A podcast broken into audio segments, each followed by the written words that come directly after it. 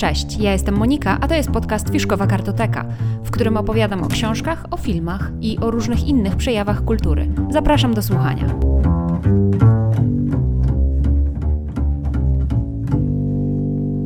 Cześć. W dzisiejszym podsumowaniu mam dla Was dwie rzeczy. Jedna to książka, druga to wystawa i obie są świetne. Pierwsza książka, zaczynam zwykle od książki, więc dzisiaj również. Pierwsza książka to Profesor Stoner.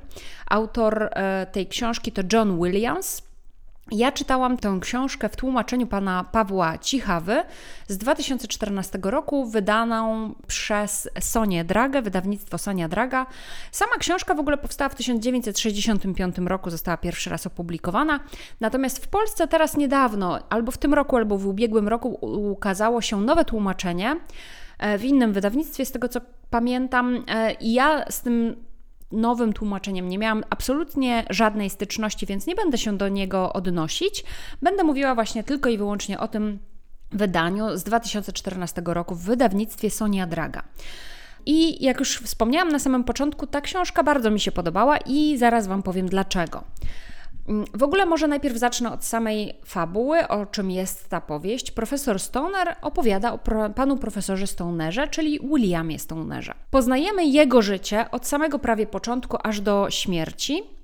Dowiadujemy się, kim był, skąd pochodził, jak to się stało, że stał się profesorem, bo stał się profesorem e, na uniwersytecie. I wszystkie postaci poboczne to są postaci, które po prostu w jakiś sposób towarzyszyły profesorowi Stonerowi w życiu, albo mu przez całe życie towarzyszyły, albo przez jakiś czas po prostu dochodziły. Tak jak w życiu każdego człowieka pojawiają się osoby typu rodzina, znajomi, przyjaciele, jacyś wrogowie, to tak samo poznajemy po prostu ludzi, którzy w jakiś sposób do życia profesora Stonera dołączyli. Więc mamy tutaj rodziców profesora Stonera, którzy go wychowali jako jedynaka zresztą.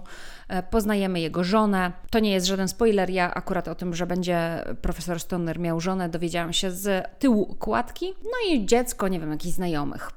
Natomiast to profesor Stoner jest tutaj postacią kluczową, to jest on postacią centralną i on jest jakimś takim motorem wszystkich tutaj wydarzeń. Ta książka jest w pewien sposób beznamiętna. E, dlaczego tak mówię? Ano dlatego, że jest tutaj swego rodzaju trzecioosobowa narracja, bardzo taka chłodna i wykalkulowana. I z tej narracji dowiadujemy się nie tylko o zachowaniach e, bohaterów, ale również o ich emocjach.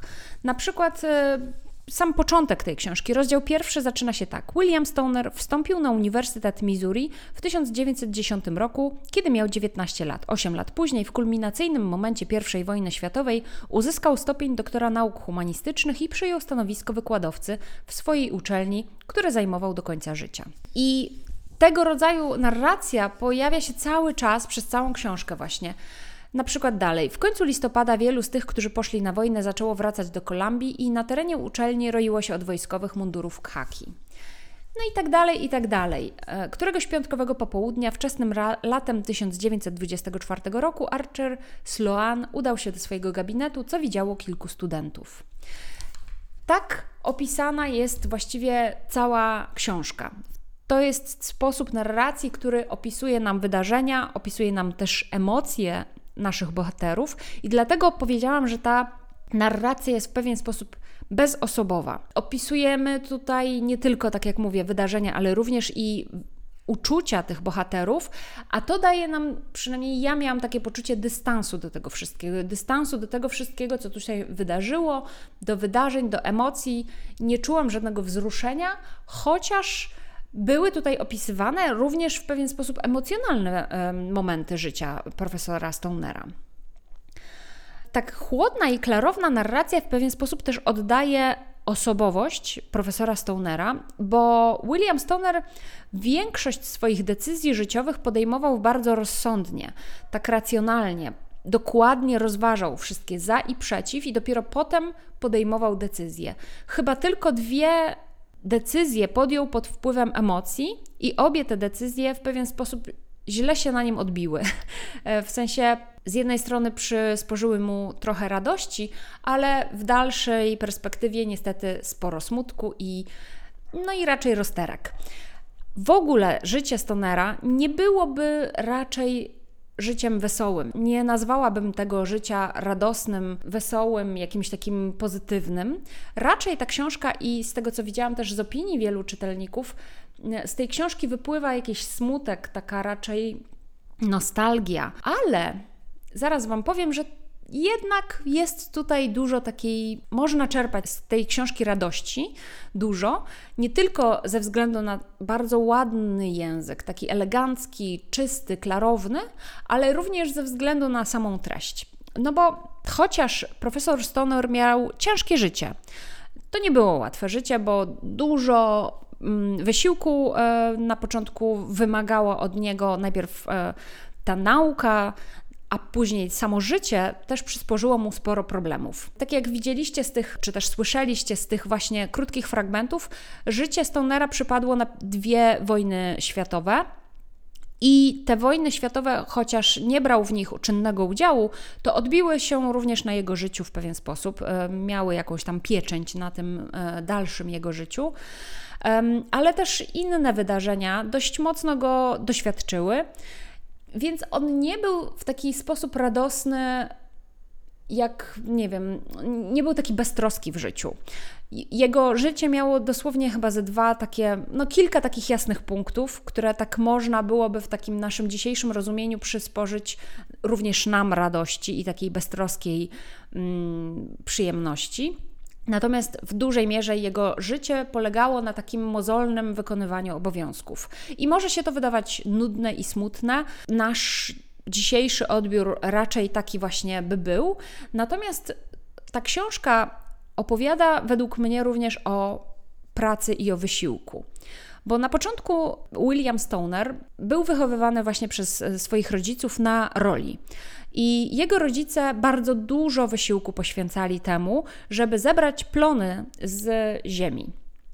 Profesor Stoner, na początku nie będąc jeszcze profesorem, również pomagał swoim rodzicom. Ciężko pracował, żeby im razem z nimi pracować właśnie na roli. Później w trakcie swoich um, studiów pracował, dorabiał sobie również na roli, więc bardzo ciężko pracował nie tylko fizycznie, ale później na tym uniwersytecie także umysłowo, a potem, kiedy już został profesorem, to właśnie bardzo dużo wysiłku umysłowego, intelektualnego poświęcał na to, żeby po pierwsze przygotować się do zajęć, po drugie, żeby poświęcić czas swoim studentom i wyprowadzić ich na ludzi, na dobrych nauczycieli, czy też na dobrych profesorów, na dobrze wykształconych młodych ludzi a następnie też dużo wysiłku takiego intelektualnego poświęcał na to, żeby napisać swoją własną książkę, jedną, później drugą. Więc ta książka jest również pewnego rodzaju peanem na cześć pracy, na cześć wysiłku, na przykładaniu się do swoich obowiązków, bo profesor Stoner nie tylko pracuje intelektualnie, ale właśnie tak jak powiedziałam, najpierw na roli, później też bardzo dużo wysiłku i um, pracy przykłada do tego, żeby pomóc w wychowywaniu swojej córki, e, gotuje dla niej, wychowuje dziecko, prze, prze, przewija pracuje w domu, sprząta, nie jest takim typowym przedstawicielem patriarchalnego społeczeństwa, które pozwala profesorom po prostu poświęcać się pracy umysłowej, a resztę rzeczy mają robić kobiety. Nie. On właśnie był osobą, która też bardzo dużo pracy wykonywała w domu, takiej stereotypowo przypisywanej kobietom. Więc ta książka też właśnie daje nam taki ogląd, że z takiej mozolnej, codziennej ciężkiej pracy, takiej nudnej w sumie, można czerpać ogromną przyjemność. Profesor Stoner miał ogromną frajdę z tego. Frajda to może złe słowo, ale czerpał dużo satysfakcji właśnie z takiego obowiązkowego wykonywania swoich zadań, z takiego przykładania się do tego, co robi w życiu. Czerpał ogromną przyjemność właśnie z nauczania, z uczenia samego siebie e, i to daje też satysfakcję w czytaniu. No i tak jak powiedziałam, ta proza jest naprawdę taka elegancka, klarowna, te zdania są wyważone, tam nie ma zbędnych słów w tych zdaniach. Bardzo Wam polecam tę książkę. Profesor Stoner, czy to w nowym tłumaczeniu, czy to w tym tłumaczeniu. Przeczytajcie i dajcie znać w ogóle, czy czytaliście tę książkę, czy słyszeliście o niej, co o niej myślicie, a może czy Was zachęciłam do niej. Druga rzecz, o której dzisiaj chciałam Wam opowiedzieć, to jest wystawa. W ubiegłym tygodniu, w ubiegły weekend właściwie byliśmy na 28. Międzynarodowym Biennale Plakatu w Warszawie. Wystawa jest do zobaczenia na Akademii Sztuk Pięknych w Warszawie w Pałacu Czapskich. E, to jest przy krakowskim przedmieściu, więc samo centrum. Wystawa jest bezpłatna, co może mieć jakiś wpływ na Waszą decyzję, czy pójść, czy nie pójść, i jest dostępna do 12 września. Na wystawie tej głównej, pokonkursowej, wystawie konkursu głównego, jest 120 plakatów różnych osób z całego świata. Ja uwielbiam plakaty, bo według mnie język plakatów jest bardzo zwięzły i polega w dużej mierze na koncepcie. I to bardzo mi się właśnie podoba, że plakat przemawia do mnie pomysłem, jakimś takim ciekawym podejściem do tematu przewodniego. Tym razem tym, tym przewodnim tematem był dom, e, natomiast on jest tak różnie zinterpretowany, że każdy plakat jest inny. Każdy plakat jest, ma jakiś inny pomysł, ma jakieś inne mm, podejście, jakieś inne wykonanie. Bardzo mi się właśnie też to podoba, że w plakacie język musi być bardzo skondensowany, że musi przekazać mi swój pomysł, swoje przesłanie w bardzo oszczędnych środkach, no bo w sumie mamy tylko jedną kartkę papieru, na której ma być tylko graficzne przedstawienie jakiegoś problemu, jakaś zachęta, mm, zaproszenie na jakieś wydarzenie. Mam mnie przyciągnąć moją uwagę i zachęcić do tego, żeby coś zrobić, żeby gdzieś pójść. I fantastyczne są te plakaty. Bardzo mi się podobały.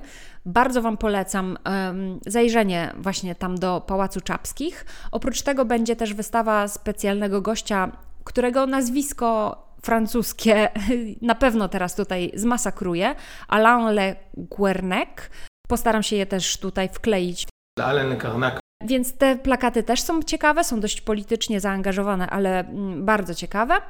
A jest też druga część tej wystawy, która jest dostępna w Galerii Wzornictwa Przemysłowego na ulicy Świętojerskiej 5. To też jest centrum, tylko za Starym Miastem. Ja niestety na tę drugą część nie dotarłam, chociaż do samej Galerii Wzornictwa Przemysłowego dotarłam, tylko że sama wystawa właśnie dotycząca tego Biennale plakatu była otwarta od 14, ja byłam wcześniej, więc byłam tylko i wyłącznie na parterze tego, tej galerii wzornictwa przemysłowego, gdzie była akurat dostępna wystawa Young Design.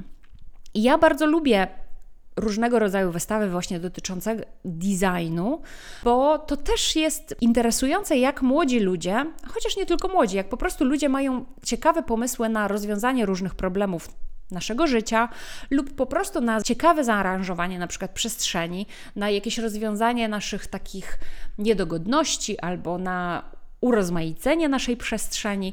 Na przykład była tam taka bardzo ciekawa rzecz. Nie wiem, czy kojarzycie, jak na przykład dzieciaki idą e, po ulicy, to bardzo często trzymają jakiś patyk i jak ten patyk trzymają, to przechodząc obok ogrodzenia, które ma takie sztachetki, to sobie po prostu tak przejeżdżają tym patykiem po tych sztachetach.